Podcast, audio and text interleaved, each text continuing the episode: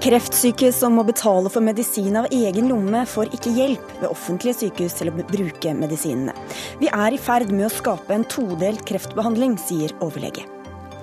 Innvandringskritikerne må slutte å fremstille seg selv som ofre, mener redaktør. De må innse at det er de som har vunnet debatten og blitt meningseliten. Sykepleierne må smøre brødskiver til de eldre, mener hjelpepleierne. Vi har for høy kompetanse til den slags, svarer sykepleierne. Og økonomifaget er uvitenskapelig, urealistisk og utdanner monomane kalkulatorhoder, mener tidligere økonomistudent. Upresis og lettvint kritikk, parerer økonomiprofessor.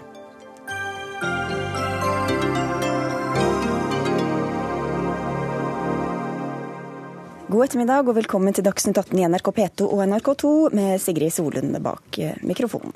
Men vi begynner med en verkebyll i norsk offentlighet. For vi har hørt advarslene før, men nå er de her med store bokstaver. Festen er over. Norge står ved et vendepunkt, varsler regjeringas produktivitetskommisjon, som la fram sin endelige rapport i dag. Den forteller at norsk økonomi er i ferd med å bli kvalt av at vi blir mange flere eldre, mens den offentlige sektoren eser ut og oljeinntektene faller.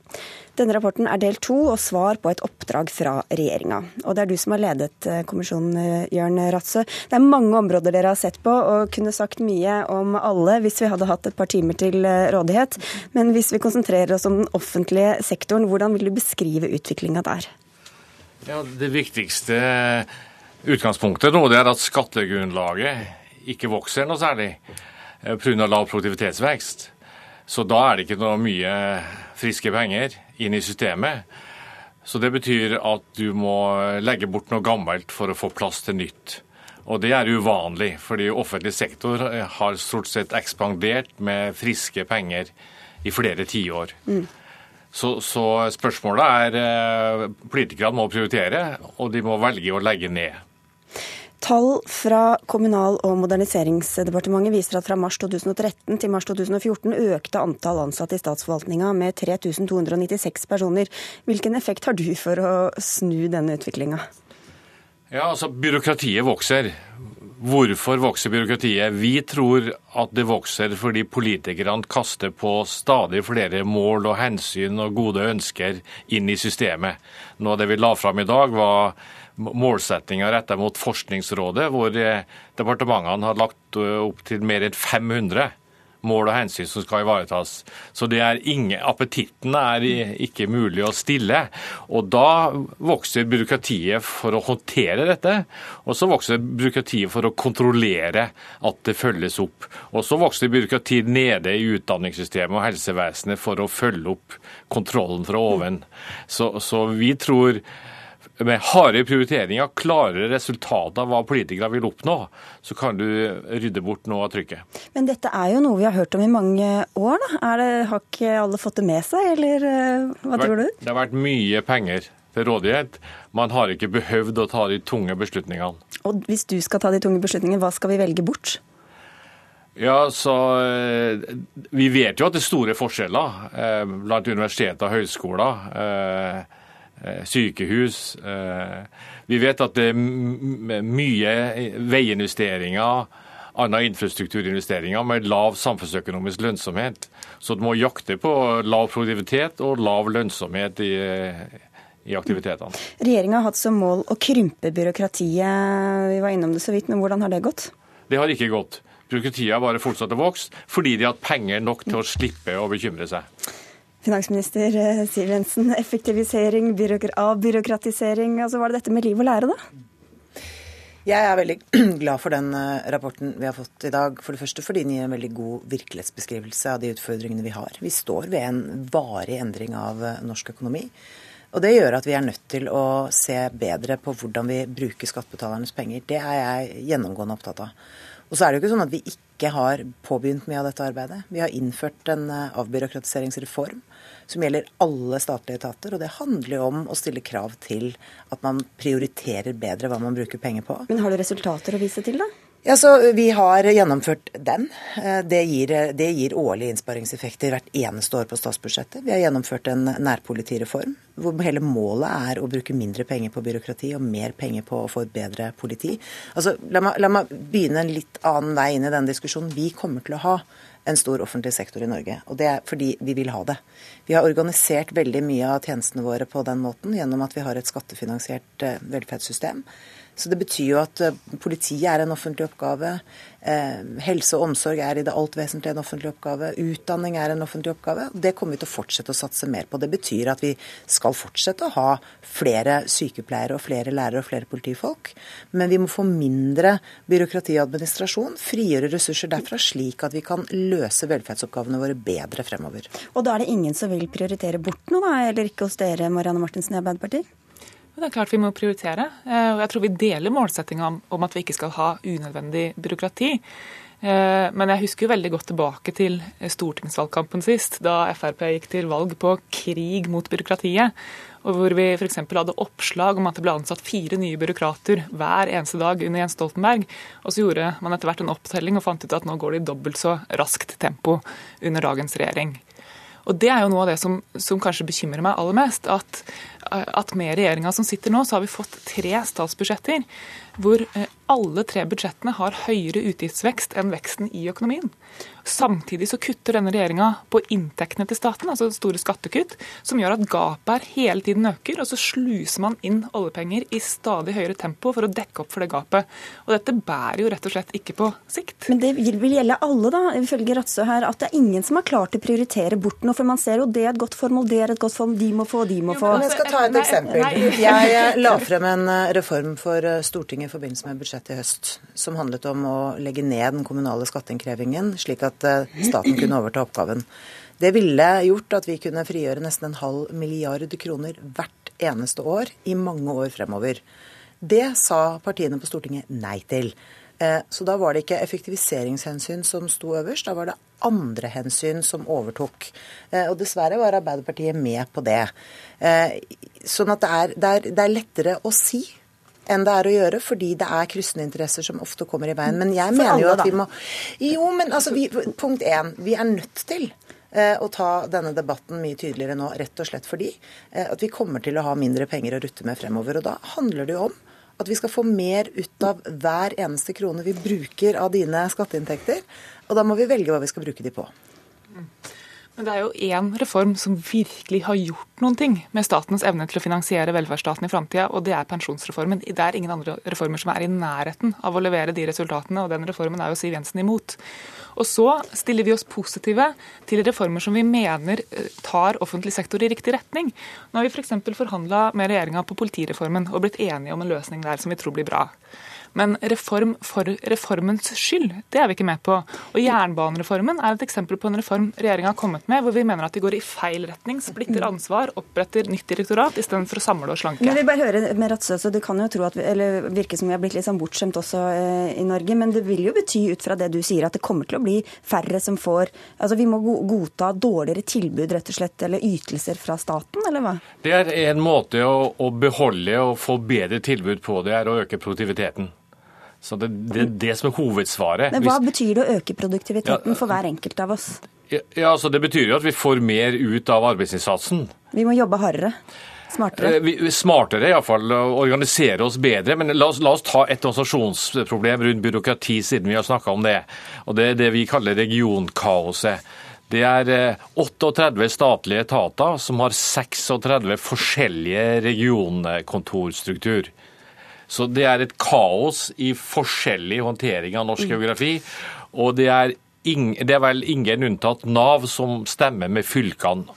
Alle andre går på kryss og tvers. Så det er et, et kaotisk forvaltningssystem mm. som har fått lov å vokse opp nedenfra og som det er eh, gode muligheter å ta tak i hvis man ønsker. Men så Det er sikkert mye som kan løses da gjennom reformer, Siv Jensen, men må vi også uh, se for oss at vi kommer til å få dårligere ytelser? Altså Det er jo uh, folk som jobber i disse etatene, blitt ansatt der av en grunn, vil jeg tro, som nå skal kanskje lempes over på andre, altså leger, sykepleiere, lærere osv., andre som jobber i de samme etatene? Jeg sa jo nettopp at vi kommer til å fortsette å satse på gode helse- og omsorgstjenester, mer politi, bedre lærere, rett og slett, for det er noe vi ønsker å satse på. Men hvor skal på. vi kutte, da?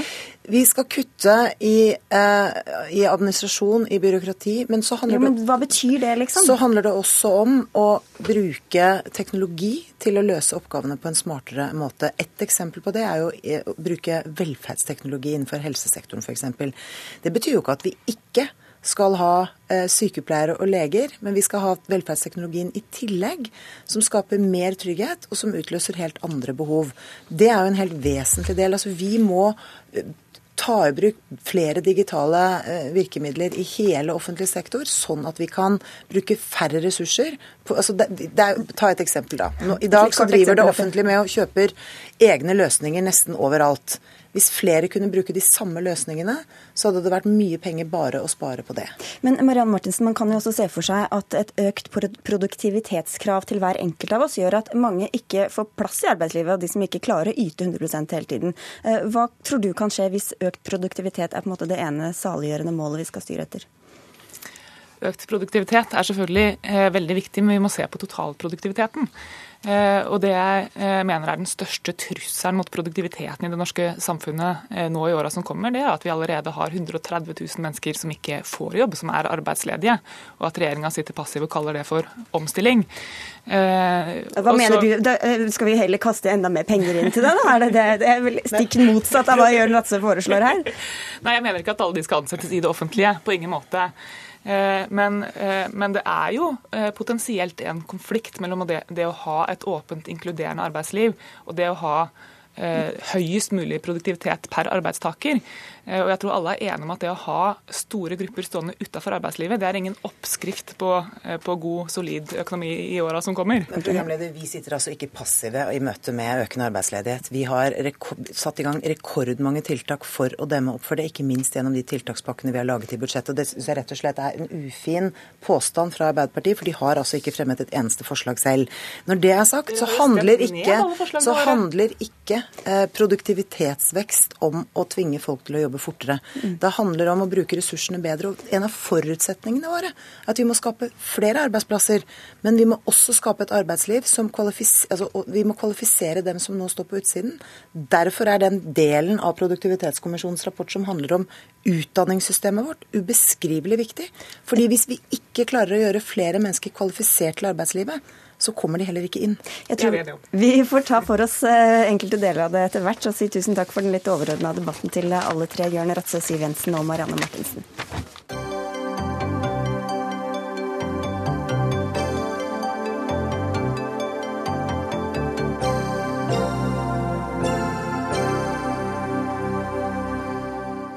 Meningseliten er ikke hva den en gang var. Det må også dens kritikere ta inn over seg, skriver tidsskriftet Minerva, som peker på at de innvandringskritiske stemmene nå har vunnet debatten for lengst, men at de samme stemmene fortsatt ikler seg offerrollen. Det er du som skriver dette, redaktør i Minerva, Nils August Andresen. Eh, hva legger du i det du skriver om at det er blitt en folkesport i Norge å ikle seg denne offerrollen? Altså, vi, vi, har jo hatt, I høst hadde vi denne debatten om godhetstyranniet. Da får man noe inntrykk at det er noen som er tyranner, og for, formodentlig er de som ikke er tyranner, de er vel en form for ofre for, for, dette tyranniet. Eh, det var Sylvi Listhaug som, som, snakket om det. Og så hadde vi et leserinnlegg i Bergens Tidende denne uken, eller forrige uke, det var det jeg reagerte på, skrevet av Magne Reistad, som, som snakker om denne meningseliten som driver en slags sensur, at man ikke kommer til orde hvis man er innvandringskritisk eller islamkritisk, og at det liksom blir hysjet ned fra alle akademikere og mediefolk og og, og sånn. Og det, det, stemmer ikke lenger. Altså, det er fortsatt en uenighet om eh, innvandringsdebatten og islamdebatten, selvfølgelig.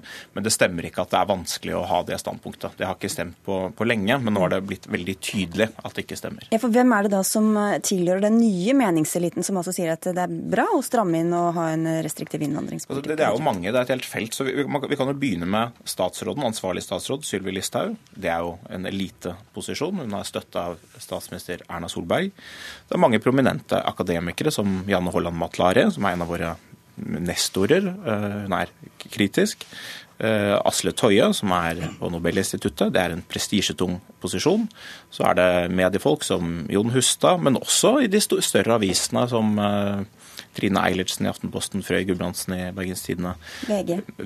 VG, Hanne Skartveit. Finansavisen er jo en del av Media-Norge, og mindre nettsteder som, som, Minerva. Ja, så Dere to, altså du og også du Ove Vannebo, du er tidligere formann i Fremskrittspartiets Ungdom, du er eh, advokat. Dere har jo relativt likt syn på innvandrings- og integrerings- og flyktningdebatten, og tilhører altså den nye meningseliten. Føler du det sånn selv? Ja, hadde vært så vel, så hadde det vært veldig mye enklere. Men jeg kan starte litt med å, med å finne ut hva vi er enige og uenige om. Og jeg må jo selvfølgelig gi Nils August rett i at eh, det er et mye større spekter nå av eh, ulike stemmer som eh, tar til orde for en restriktiv asylpolitikk.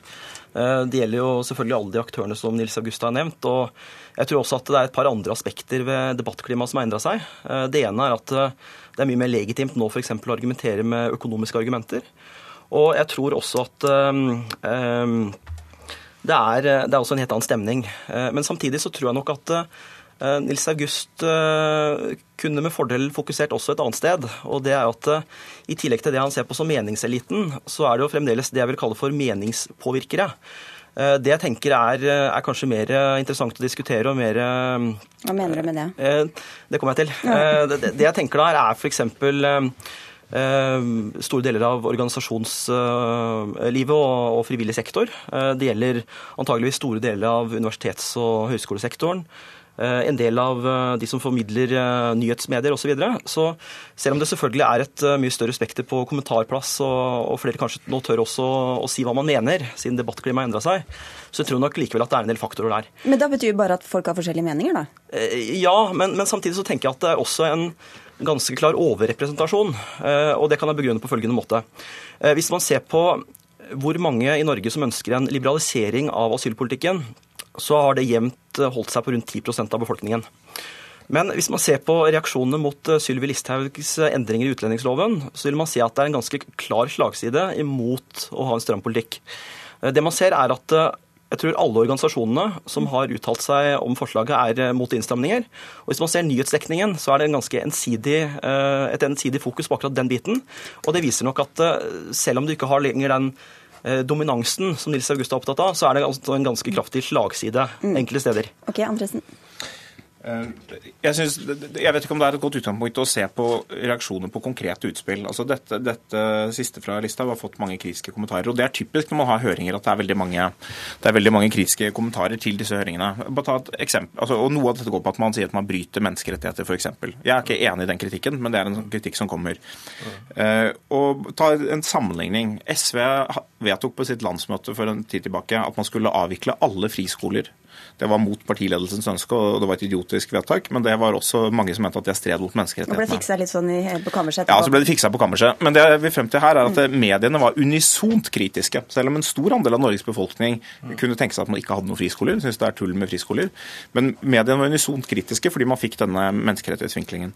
Men jeg vil bare si en ting om dette, så Jeg er enig i at flyktningorganisasjonene og mange andre organisasjoner er fortsatt innen, i et liberalt paradigme på innvandringspolitikken. Men når det gjelder meningspåvirkere, så er det kanskje litt annerledes. og det du sa at Nå er økonomi blitt legitimt å diskutere. og Det kom kanskje etter Brochmann-utvalget. og Det er også sånne viktige meningspåvirkere. Altså sånn, og Nå har vi fått et nytt Brochmann-utvalg. Og andre meningspåvirkere som Human Rights Service, som påvirker kanskje ikke SV, men de påvirker Fremskrittspartiet, som sitter i regjering, og LIM, som er en også sivilsamfunnsorganisasjon. Men du, du, sier selv at du tilhører denne nye meningseliten, og du tilhører jo eliten på mange andre måter måter også, eh, og sitter på kontoret og skriver disse mm, kronikkene som kanskje mange utenfra opplever er ganske trygt i forhold til når de skal ut og si ting i offentligheten, eller hvis vi ringer fra Dagsnytt 18 og sier at belastninga er for stor mm. til å gå ut og si disse tingene. Så hvordan vet du egentlig at, eh, at, du snakker på vegne av så mange, for å si det sånn? Nei, jeg vet aldri at jeg snakker på vegne av mange, men, men jeg tror altså, man må ta inn over seg at å være i offentligheten er ofte tøft. Man kan ofte få negative reaksjoner. Det som er spørsmålet er, er det i dag sånn at hvis man sier noe kritisk om innvandring, så får man vesentlig mye verre kommentarer og mye mindre støtte enn når man gjør motsatt. Og Sånn tror jeg ikke det er lenger. Altså De som uttrykker seg positivt til innvandring, får masse kritikk og ofte masse hets, både i sosiale medier, av og til også i tradisjonelle medier. Men ikler seg ikke offerrollen i samme grad, da, hvis vi skal tro denne kronikken kanskje, uh, Ove Wambo? Uh, ja, altså jeg, jeg, tror nok at Nils August har et poeng der, men, men, samtidig så er det jo enkelte andre som har sagt at de uh, har følt det som en veldig stor belastning å diskutere den type spørsmål. Et eksempel eksempel der er f.eks. Eh, Elin Ørjasæter, som eh, så vidt jeg husker skrev et lengre innlegg hvor hun forklarte altså hvor eh, presset og, vanskelig hun, følte det var å diskutere den type spørsmål. Men nå, kan det jo selvfølgelig hende at det også har endra seg det siste halvåret, så det er veldig vanskelig å, si noe om. Men at noen opplever det som et, et problem, det tror jeg nok. Og så tror jeg nok også at særlig spørsmålet om hva slags ordbruk man bruker, det er jo også noe som har vært veldig mye diskutert, også jf. den diskusjonen som, om Sylvi Listhaugs begrep om gullstol osv. Nå kan vi diskutere om, om det er fornuftig å, å bruke den slags begreper. Det ganger, eh, det har vi det selvfølgelig diskutert før.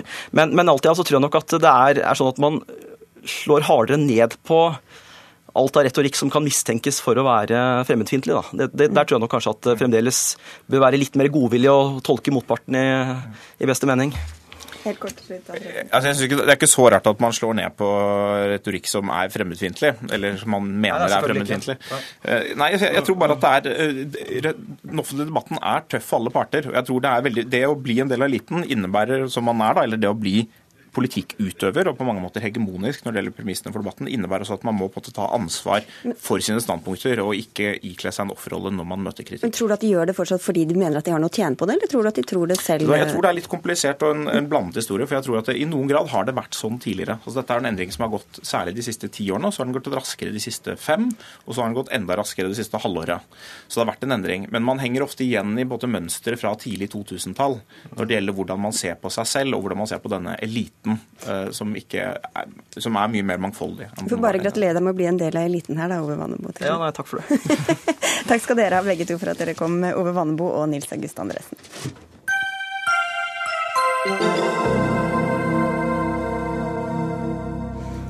Se for deg at du er alvorlig kreftsyk, men at du ikke får medisinen som ganske sikkert kunne forlenget livet ditt, fordi staten mener den er for lite effektiv i forhold til eh, hva den koster.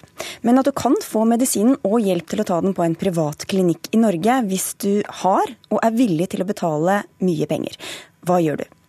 Mange velger å gå utenom det offentlige, skriver Dagens Medisin. For disse pasientene faller mellom to stoler, sier du Arne Berg. Du er overlege ved Drammen sykehus og styremedlem i Norsk onkologisk forening, altså eh, Kreftlegene. Hva kan du si først om denne aktuelle pasientgruppa? Ja, Vi har jo en ganske ny situasjon i Norge. Ved at I løpet av de to par siste årene så har det blitt en økende gruppe pasienter som um, alvorlig syke kreftpasienter som um, som har mulighet til å få behandling som kan eh, gi livsforlengelse og god livskvalitet, men hvor staten eh, ikke, ikke gir dem den behandlingen.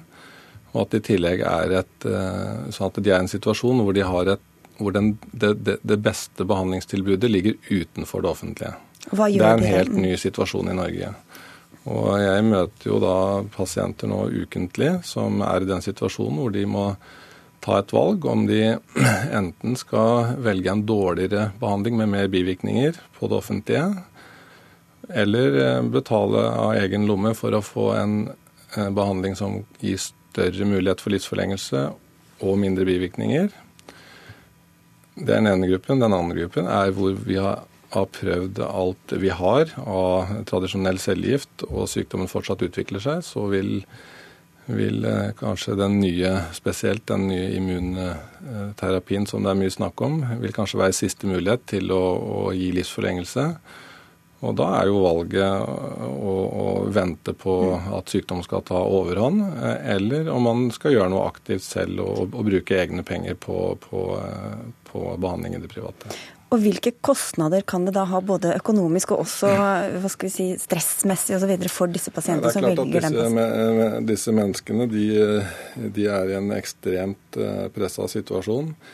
Eh, man kan jo tenke seg sjøl eh, hvis man sto overfor det valget. Og når vi i tillegg får det økonomiske presset i tillegg så blir jo det dobbelt byrde. Og eh, jeg syns jo noe av det verste er jo at én eh, ting er at det, det, er dyre medisiner, at legemiddelindustrien utsetter pasientene for eh, et stort økonomisk press. Men myndighetene bidrar jo også gjennom at det er moms på legemidlene. Mm. Så jeg har en pasient nå som har brukt 300 000, og hun blir holdt i live med immunbehandling. Har respondert veldig godt, har ingen bivirkninger alle, alle, symptomer hun hadde av sin alvorlige lungekreft med sykdom med spredning, er blitt borte.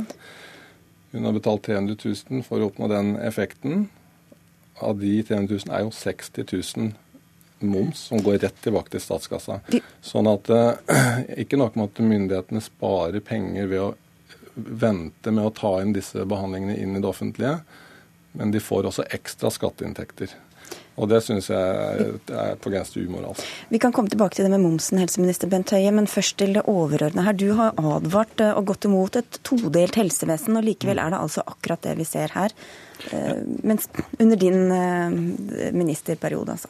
Ja, akkurat dette er ikke noen uh, ny problemstilling. Det er jo en situasjon som har vært i Norge uh, lang tid. At det er behandling som ikke tilbyr det offentlige, som pasienter har vært villige til å betale for, enten privat i Norge eller ved å reise til, til utlandet.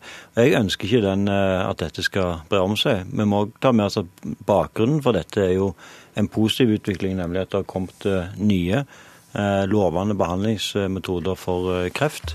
Eh, og de aller fleste av disse er jo tatt i bruk. Det er jo sånn at Beslutningsforum, som er de som bestemmer hvilke type behandling skal tas i bruk i Norge, har jo eh, sagt ja til det meste og eh, klart å forhandle fram priser med legemiddelindustrien som gjør at en faktisk kan ta i bruk denne behandlingen i Norge. Sånn at det, er òg viktig å ha med dette. Men vi vil være i en situasjon der en f.eks. pga at en har prisforhandlinger pga. at det ikke er levert inn eh, god nok dokumentasjon på, på, på effekten på behandling. At det kan oppstå en tid eh, fra et legemiddel eh, sies å kan tas i bruk, til det faktisk er tilgjengelig i det offentlige. Men bare for å kvittere ut det kort med den momsen. Altså for Her er det jo kreftleger som sier at dette er den beste medisinen for deg, og du kan ta den på en privat klinikk. Hvorfor skal de da i tillegg betale inn masse penger til staten for å spare staten for penger? Altså, Dette er jo ikke et uh, sparetiltak. Nei, men de utsetter jo ikke staten for utgifter, da, i ja, hvert fall. Hvorfor skal men, de betale inn moms? Men for Dette handler jo om at uh, legemiddelindustrien har sett en pris som langt ifra står i forhold til effekten av legemiddelet. Og vi må aldri komme i den situasjonen at vi lar legemiddelindustrien diktere Nei. priser som er helt, u, som er helt, som er helt umoralske i forhold til det, uh, den, den, behandlingen som her, her gis.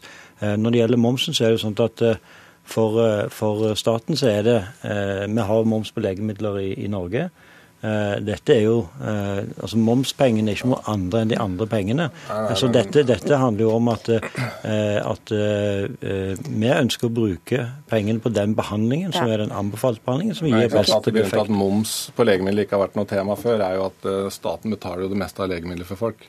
Sånn at Når det er moms på legemidler, så er det bare at uh, penga flyttes fra det offentlige sykehusbudsjettet og tilbake i statskassa.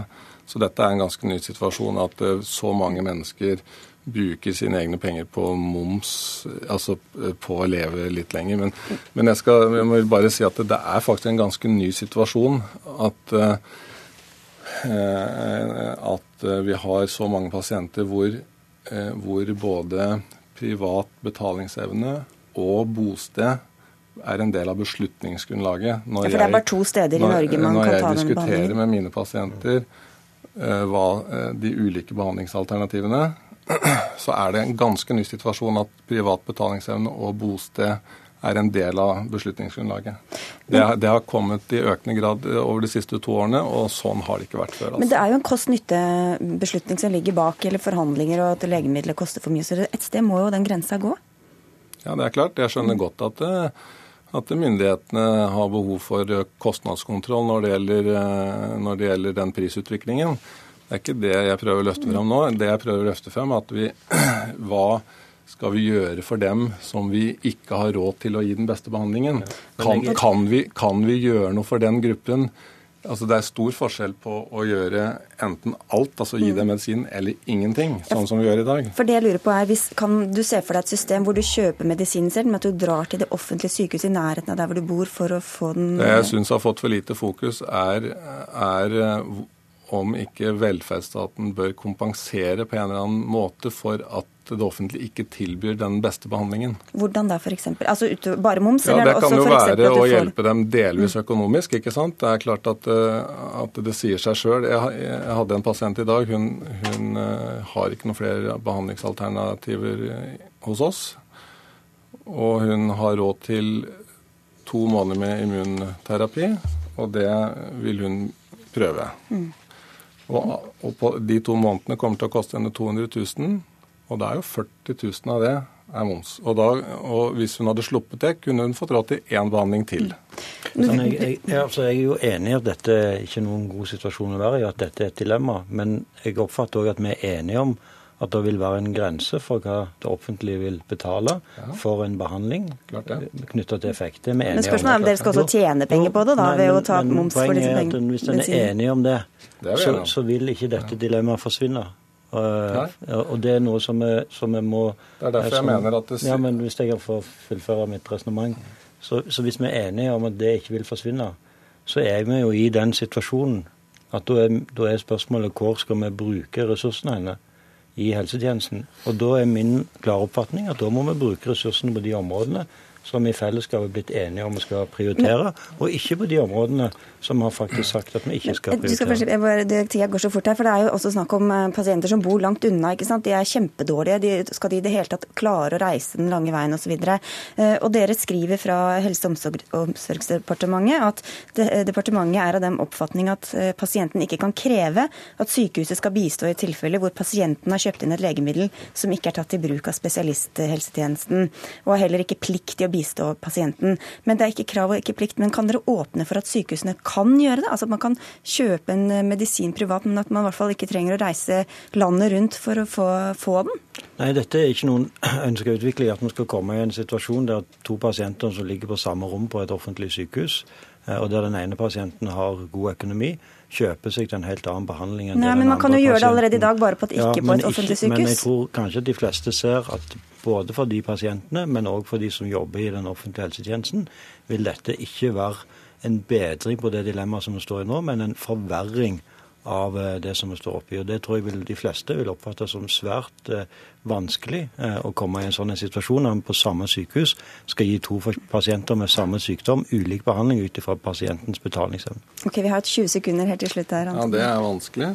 Mm. Men det er også vanskelig å, å, å, se et menneske gå til grunne av alvorlig kreftsykdom når du vet at de kunne fått en behandling som kunne forsinket den utviklingen og gitt livsforlengelse og, og gitt dem eh, med, med, god livskvalitet. Det er eh, like vanskelig, så dette er et dilemma. Det, eh, som, det er derfor det er et dilemma, og det er jo derfor vi sitter her. Derfor mener jeg at svaret på dette er å få beslutningstiden til å ta i bruk nye legemidler raskere og tydeligere overfor industrien. At de må sette ned prisen. I, i tillegg til overordna Ikke lage dilemmaet enda større med de forslagene som du kommer med. Helt superkort til slutt, Arne Berg. Ja, altså jeg syns at det er for lite fokus på den enkelte pasient som i dag er i den situasjonen at uh, man kunne vært uh, oppnådd en sykdomskontroll med de medisinene som er tilgjengelige nå. Mm. Disse har ikke tid til å vente på noen beslutning, de dør i mellomtiden.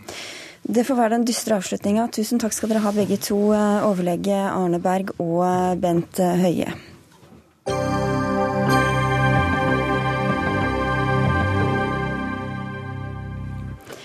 Denne uka kom nyheten om at eh, politilederen eh, Eirik Jensen er tiltalt for grov eh, korrupsjon. Dagen etter kom nyheten om at historien hans blir TV-serie. Produksjonsselskapet 4,5 Film skal lage en serie basert på Jensens egen bok På innsiden, historien om mitt politiliv. Serien er planlagt å ha premiere allerede neste høst, og kan eh, dermed bli vist før en endelig dom i saken mot eh, Jensen. Ifølge tiltalen har han medvirket til å smugle inn nesten 14 tonn med hasj. Han nekter straffskyld. Advokat og ekspert på personvern Erik Gjønne, du har sagt til oss at dette prosjektet høres veldig risikabelt ut, og at det er dårlig timing å lage denne TV-serien før han enten er dømt eller frikjent. Hvorfor er det det? Ja, når jeg sier at det er risikabelt, så er det fordi at eh, det er tidlig ute i løypa. Og Jeg skjønner at en produsent gjerne vil være tidlig ute i løypa og sikre seg dette prosjektet. Det er jo en helt unik sak. Og det at noen vil lage TV-drama av det, det er helt forståelig. Eh, det vi ikke vet, er jo slutten på denne historien. Og slutten den får vi ikke i retten i august. Eh, kanskje får vi ikke den i lagmannsretten neste vår.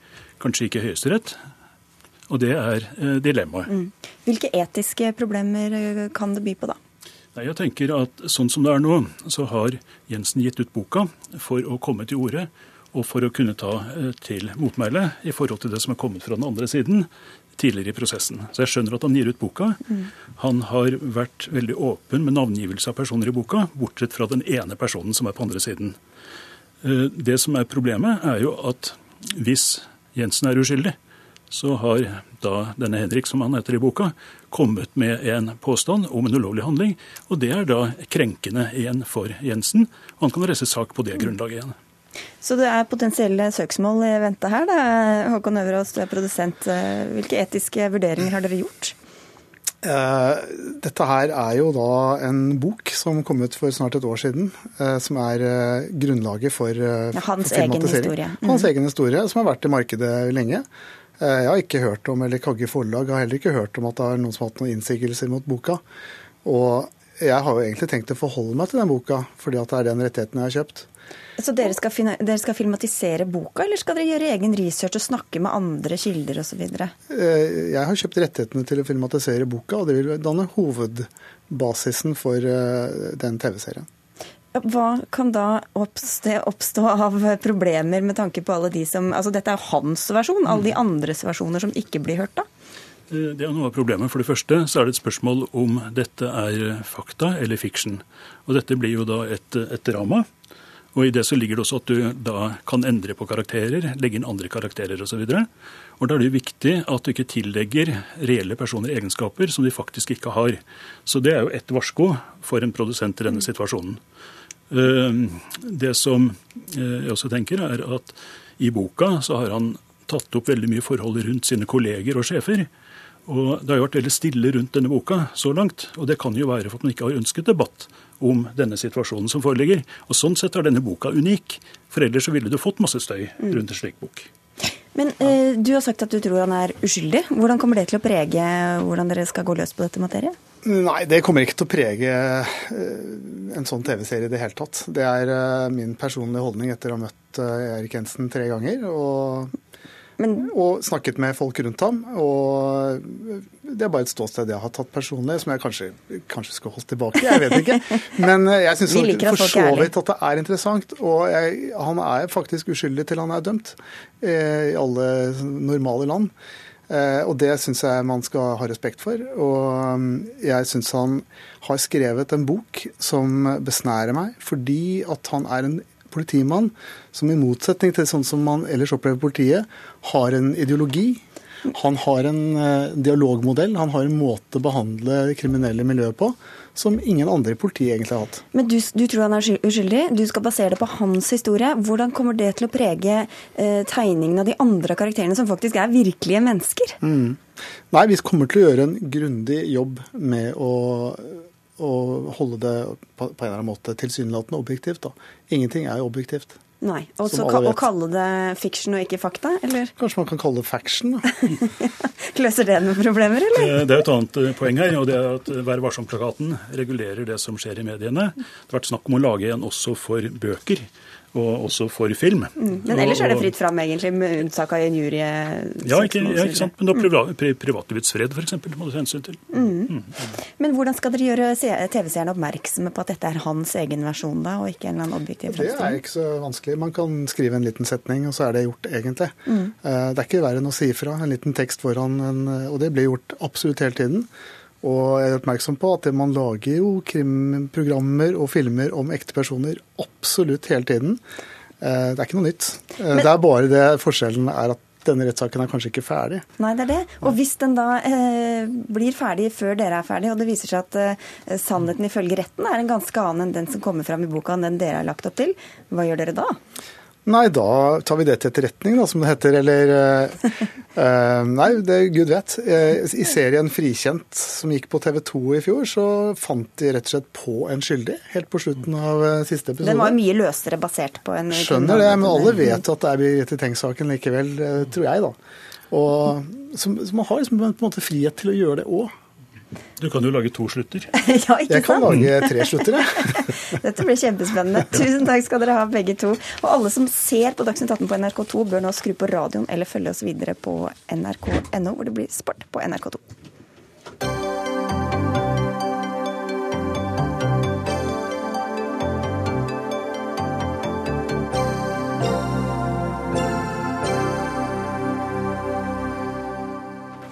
Skal sykepleiere med mastergrad måtte smøre brødskiver og sette over kaffen til pasientene?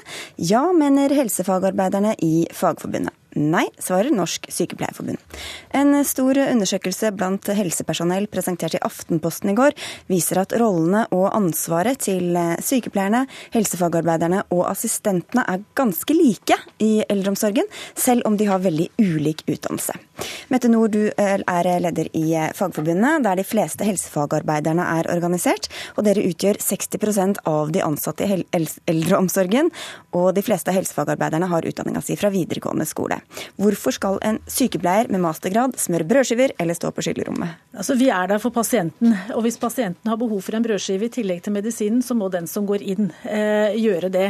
Eh, og så er jo da spørsmålet er jo, jo flere mastergrader vi får, jo flere må, med mastergrad må kanskje også gjøre de praktiske oppgavene.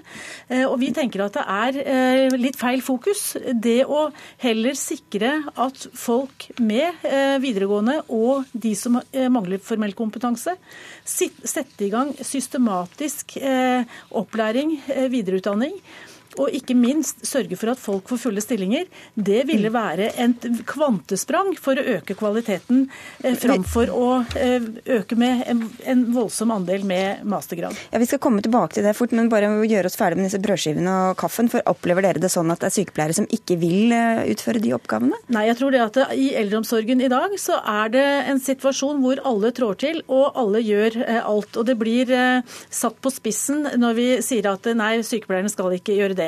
Jo flere sykepleiere, jo flere sykepleiere må også gjøre de praktiske oppgavene. Sånn er det. Men så er jeg enig i at man bør ha en eh, arbeidsfordeling, eh, og at den viktige sykepleierkompetansen brukes i mye, mye større grad som veiledere og som eh, rådgivere for eh, eh, de som ikke har formell kompetanse. Så her tenker jeg vi kan eh, Det er mange måter å gjøre dette på, på en, sånn at vi får tilfredsstilt de behovene vi har. Eli Gunnelby, By, du er leder i Norsk Sykepleierforbund. Et tenkt eksempel. En pasient som bor hjemme, har behov for å både få stelt såret sitt og få i seg mat og litt kaffe. Skal sykepleieren da i dette tilfellet gjøre alle de oppgavene? Ja, det tror jeg er en veldig, veldig lurt. at eh, Hvis sykepleieren er der hjemme for å stille sår på en, eh, såret til en pasient, så, og pasienten har behov for en kopp kaffe, så selvfølgelig skal sykepleieren gi, gi pasienten kaffe. Men blir det for Men, mye kaffe og brødskiver på sykepleier i dag? Eh, det som er hele, hele eh, problemstillinga her, her, handler jo om at det å smøre brødskiver og, og, og koke kaffe, det er altså viktige oppgaver. Men det er altså ingen faglig grunn til at en sykepleier skal gjøre det. Vi må sørge for at eh, sykepleierne gjør de oppgavene som det er faglig riktig at de gjør. Og så må vi sette sammen kompetansen i de viktige tjenestene både i sykehjem og hjemmesykepleie, som gjør at vi klarer å få til gode tjenester. Eh, det er det som er avgjørende. Mm. Eh, det å løfte ut brødskiva og kaffe fra denne problemstillingen her, det er, det, er, det, det er, ikke sånn vi skal tenke det. Men vi skal bruke kompetansen vår riktig, ja. og det mangler kompetanse ut der. Og Det handler jo om denne kompetansen, og den undersøkelsen jeg nevnte som ble presentert i Aftenposten, viser altså at det bør være tydeligere grenser mellom hvilke yrkesutøvere som skal gjøre hva, fordi man bl.a. ikke får utnyttet sykepleiernes kompetanse. Er dere enig i det fra helsefagarbeiderne? Det, det vi ønsker oss, det er jo at man har en systematisk kompetanseheving, at arbeidsplassen brukes som en læringsarena, og at sykepleiere og at alle som jobber rundt pasienten er team, og som eh, både fordeler oppgaver, men også eh, veileder eh, og drøfter og diskuterer, sånn at du bygger kompetanse eh, i, blant de ansatte. Det vil være med på å heve kvaliteten vesentlig. Og dette, dette, skjer altså ikke? De får ikke brukt kompetansen sin, noen av dem. Lisbeth Nordmann, du er statssekretær i Helse- og omsorgsdepartementet for Høyre. Hvorfor har dere latt det bli sånn? Jo, det gjør det jo absolutt. Altså, mange får brukt kompetansen sin ja, veldig ikke, godt. ikke utnytt, fylt utnyttet? Nei, Det viktigste for oss er jo at eh, pasienten får gode tjenester. og jeg tror Det er eh, viktig å understreke at når vi snakker om sykehjemspasienter, så snakker vi altså om pasienter med fire til åtte aktive diagnoser. Det krever kompetanse som er i stand til å se utvikling av flere sykdommer samtidig. Eh, derfor har regjeringen satt av 1,2 milliarder kroner til kompetanseheving i kommunene, som omfatter alle nivåene. Både medlemmene til Mette Nord og Sykepleierforbundets. Og det er nødvendig å få høyere kompetanse for å forstå utvikling av sykdom hos ja. pasientene i sykehjemmene. Men det er vel spørsmålet også litt hvor man skal sette inn støtet, og, liksom, og, og legge opp til mange flere mastergrader hos sykepleierne, eller å heve de ufaglærte? Ja, men Det er helt nødvendig å få høyere klinisk kompetanse. Altså få noen med en avansert kompetanse som kan gjøre det Mette Nord også etterlyser, nemlig veilede det andre personalet. Og da er pasientene nå så syke. Bare se på demenspasientene i sykehjem. Bare 5% av de som er demente, har bare demens. De fleste har mange kompliserte sykdommer som skal håndteres samtidig. og Derfor må kompetansen også på noen av de som jobber der opp. Men teamene må også kunne samarbeide bedre, og vi trenger alle. Og da er det sykepleierne man bør satse på, By, eller? Ja, eh, nå er det jo sånn at Etter innføringa av Samhandlingsreformen eh, så har vi fått eh, flere pasienter med flere diagnoser, eh, dårligere pasienter. og Da er det helt avgjørende at skal vi gi pasientene en god og trygg behandling, så må vi ha kompetanse som, som, som faktisk gjør det. Vi har ved jevne mellomrom eh, siden innføringa av Samhandlingsreformen eh, hatt en spørreundersøkelse ut til rådmenn og ordførere, hvor vi har spurt Går dette på skinner, får dere til det. Det de svarer, det er at de mangler kompetanse. Og den kompetansen som de mangler aller mest, svarer de til oss, det er sykepleiere. Det betyr eh, skal vi klare å gi pasientene gode og trygge tjenester med fire til åtte diagnoser, helt riktig sånn som Lisbeth sier, så er det helt avgjørende at vi, at vi satser på det nå. Vi vet at bemanninga er for dårlig ut der. Og skal vi klare å nå målene, så må vi nødt til å, nødt til å ta tak i det her. Men nå må vi høre med deg, Mette Nord, som representerer de andre som ikke er sykepleierne. Er det, er det det vi trenger? Mer av sykepleiere ved mastergrader? Ja, vi har også sykepleiere. Vi organiserer mm. hele spekteret av de uh, yrkesgruppene som er i kommunen. Men det, uh, Vi trenger uh, noen mastere, selvfølgelig gjør vi det. Men det som er viktig, nå har vi hatt flere rapporter over ganske mange år som dokumenterer at andelen av de utenfor formell kompetanse er rimelig stabil. Det har vært en nedgang på kanskje 5% de siste syv årene. Eh, men, og da er det jo viktig, Hvorfor har man ikke tatt tak i nettopp det med systematisk opplæring?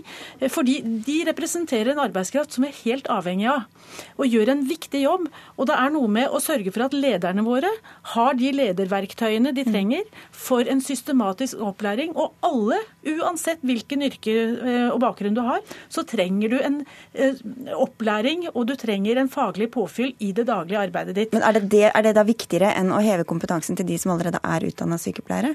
Nei, jeg tenker at det trengs alle. Eh, og siden det gjøres til et problem stadig vekk at vi har så mange ufaglærte, da må vi altså ta tak i nettopp eh, det arbeidet. Og gjennom en kompetansereform som også er vedtatt, systematisk sikre at lederne våre, de med fagutdanning, de med, med sykepleierutdanning, eh, også kan være med å dele kunnskapen sin, sånn at at de får, eh, blir ført fram til fagbrev og får en formalisering av det de faktisk gjør i det daglige arbeidet. Men det skjer altså ikke i god nok grad ifølge denne undersøkelsen? Ja, men det skjer absolutt. Nå har vi jo i Kompetanseløftet, som Mette Nord sikkert kjenner til, lagt satt av 300 millioner til styrking av tjenesten, hvor 95 millioner kroner går til styrking av videre- og etterutdanning for helsefagarbeiderne.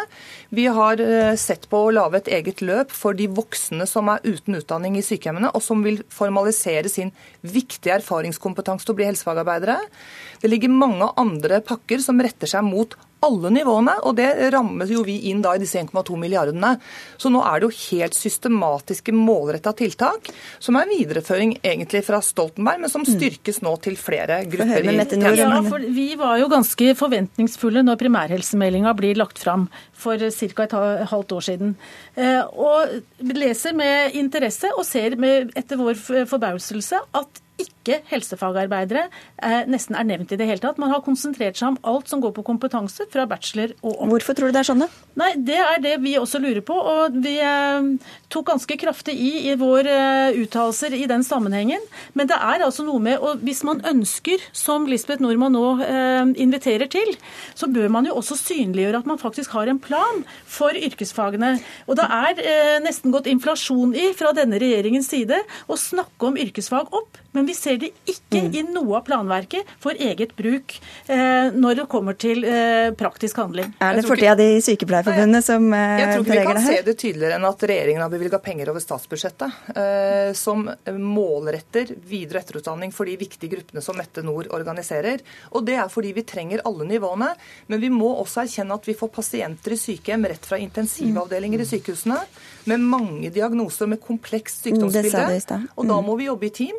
Da trenger vi alle, og Derfor har vi i statsbudsjettet satt av penger også for å kompetanseheve alle nivåene. Men Få høre om Sykepleierforbundet er mer fornøyd, da?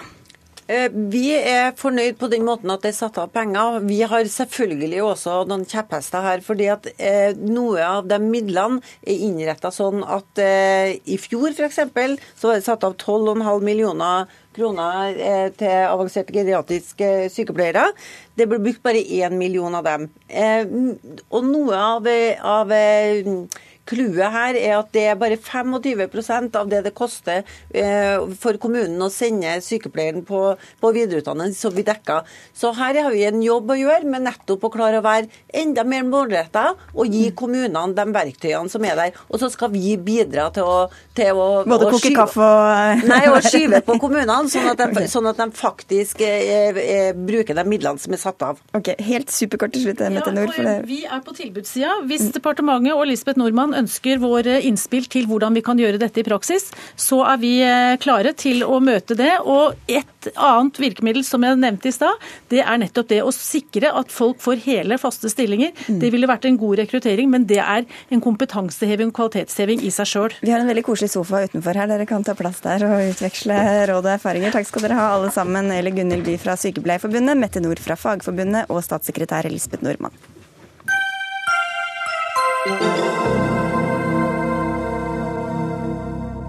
Nå til et helt annet fag.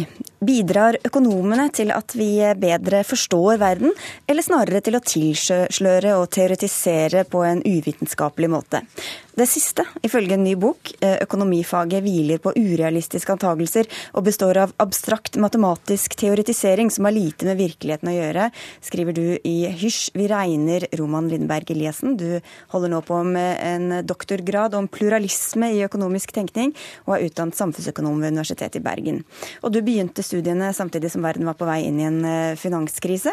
Hvordan ble møtet ditt med økonomifaget annerledes enn du hadde trodd og håpet? Ja, det ble litt eh, annerledes. Jeg tenkte jo at jeg var kommet til eh, rett tid til rett sted. Men den finanskrisen ble det jo aldri noe særlig, særlig snakk om. da. Mm. Og det viste seg etter hvert at alle, alle fagene man, man, tar, egentlig er trening i en bestemt type matematisk metode, som man da på slutten av semesteret skal, skal gjenta i en skoleeksamen. Så i løpet av hele utdanningen så er det ingen sånn undervisning i alternative perspektiver, det er ingen idéhistorie, det er ingen sånn kvalitative metoder eller noe sånt. Så jeg lurte rett og slett på det. Er det sånn at, at de har satt metoden fremfor virkeligheten? Er det viktigere for de at teoriene skal være overensstemmelse med en bestemt metode, enn at de skal stemme med, med virkeligheten?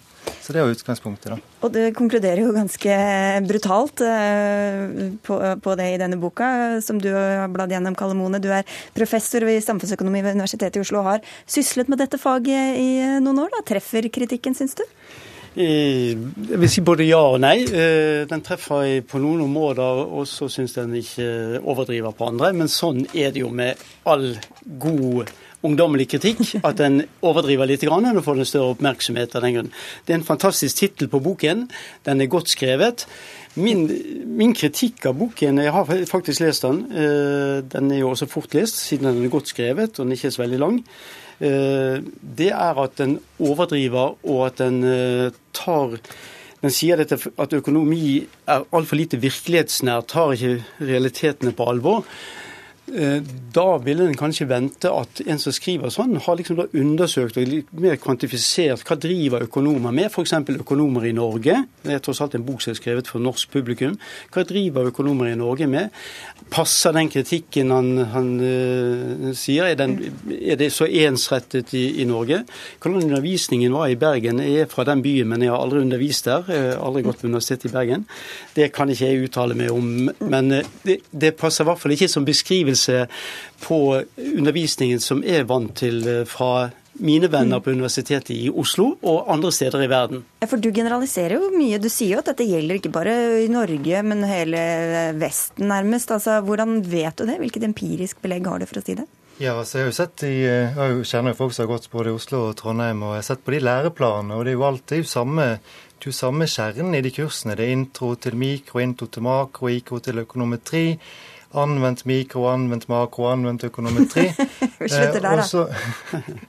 ja, og så, og så er det, ja. Eh, Ok, Men, du, men, ja. men, du har, men altså, han etterlyser empiri her. altså hva, uh, At du setter ting inn i et system. Du nevner økonomer. At du, at du drøfter det litt mer ut fra Ja, nei, men Jeg er jo jo vektlegge at min kritikk eh, gjelder, gjelder, det undervisningsopplegget først og fremst. Det er jo klart at det senere legger føringer på hva økonomer kan teoretisere om. Eh, når de kommer ut og de begynner å forske og, forske og så videre. Men det er jo samme modell. Ja, det er òg i ja, USA. England, ja. Frankrike Og at modellen styrer, så spiller nesten ingen rolle, for det er modellen som overstyrer alt. Ja, sånn ser ikke jeg det. Altså. Men her er det jo rom for litt uh, ulike oppfatninger av disse tingene. Jeg, jeg synes at uh, det som har skjedd i økonomi som fag i, fra jeg begynte å studere økonomi på 70-tallet til i dag, det er en, en voldsom endring. En ja, for dere tok litt det samme opprør, oppgjøret med, med, faget, eller? Altså, Alle studenter har jo alltid vært litt kritiske til det faget de studerer, og det er en, en fin måte å lære på. Jeg husker godt at jeg dummet meg ut mange ganger med å være veldig kritisk på ting som jeg ikke helt forsto. Så det er jo en fin læring. Men nå syns jeg at nå er min gode venn her, nå er han blitt så, nå er han blitt så voksen at Eh, at, nå må vi vente. Her er, her er, mine alternativer, her er min forskning. Og så kan han komme med sin, og så sammenligner vi. Det er ikke noen som kan innta rollen som ensidig kritiker. Her må vi sammenligne eh, angrepsmåter og resultater eh, med de som har andre måter de vil gjøre det på. Altså andre det, metoder eller andre måter ja, å forstå det er det hjertelig velkommen til å komme med. Jeg har mine favorittmåter å gjøre det på. Men den beskrivelsen av at en f.eks. ikke legger vekt på institusjoner, ikke legger vekt på ulike vekt, ikke legger vekt på finansielle kriser og sånn, stemmer eh, ikke med mine erfaringer. Og det stemmer ikke, ikke bare for min egen undervisning og eh, det som jeg sjøl driver på med, men også mine venner ikke bare i Oslo, men overalt i verden. Alle, begge har snakket med folk, skjønner jeg. Men, men du sier jo også at de er for virkelighetsfjerne. Altså og de tar heller ikke inn over seg andre eh, fag, som du var inne på. ikke sant? Idéhistorie osv. Hvordan mener du da at dette setter preget på økonomifaget og økonomene? Ja, så jeg tror at man, eh, hvis man skal, altså det er jo, Vi snakker om universitetsutdannelse her. sant? og Da skulle jo et av målene være at man skulle lære å eh, tenke kritisk. Men det er jo ingen alternative perspektiver som kommer inn. Altså Man har en hel rekke med alternative skoleretninger som påskeiniansteori, marxistisk teori, østerriksk økonomi, feministisk økonomi, økologisk økonomi. Det er jo ingen studenter i Norge som, som noensinne har hørt om det. Og Hvis vi skal kunne lære å tenke kritisk, da må vi jo eksponeres for forskjellige alternativer. Eh, og, ja, og, for at vitenskapen skal gå fremover, så, så, så, trenger vi det. Og det er virkelig mangelsvaret. Hvorfor skal vi ikke ha økonomisk idéhistorie alternative perspektiver på pensum, eller skal vi det? Ja, Det skal vi absolutt ha. og jeg tror det er, Dette er veldig viktig, eh, en veldig viktig ting som eh, han og mange andre nevner. At det er ønskelig med mer pluralisme i undervisning, og gjerne i forskning. Jeg tror han overdriver ensrettingen. Jeg tror pluralismen allerede er mye større enn, en han legger vekt på. Og Det er litt et skremmebilde av eh, hvordan økonomi er som fag vi blir presentert uh, overfor. Uh, bare helt konkret. Økonomer samarbeider med psykologer. Økonomer samarbeider med, med uh, For min egen del samarbeider med psykologer og med statsvitere. Jeg har publisert nesten like mye statsvitenskapelige tidsskrifter som jeg har gjort i økonomiske tidsskrifter. Så jeg blir litt irritert av den ensidigheten, det skremmebildet som gis, for et fag som er i ferd med å utvide seg mye mer enn det var tidligere. Ta Choice Lab i Bergen f.eks. med Bertil Tungodden og Alexander Cappelen i spissen. En veldig alternative måter å angripe det på. Alternative forskningsmetoder. Vi samarbeider med de, men det er ikke noe spor etter sånne ting i framstillingen her. Så jeg oppfatter det mer som et skremmebilde, og derfor litt mislykket av den grunn. Du får 20 sekunder til å forsvare ja, Teorien min, altså, Boken min tar utgangspunkt i eh, beskrivelser av økonomifaget som kommer fra økonomene, økonomene. Ja, men jeg har jo nettopp beskrevet at det er mange, mange, økonomer som ikke passer inn i den folden ja, i det hele tatt. Det er et lite mindretall som eventuelt måtte passe i det. Og hvis det mindretallet du kritiserer i boken din, de bor i USA. Og hvis du skal nå de hvis du skal nå, Det er ikke det personlig snakk om hva man lærer på studiet, det er det som er problemet. Ja, men hvis du skal ta et oppgjør, Det er ikke behov for en bok for å ta et oppgjør med undervisningen i Bergen. Hvis Det må jo være faget du er ute etter. Mm. Men det skjer jo ingenting. Ok, da får vi se om eh, de hører på i Bergen også. Tusen takk skal dere ha, begge to. Dagsnytt 18 er over for i dag. Dag Dørum, Finn Lie og jeg, Sigrid Solund, takker for oss.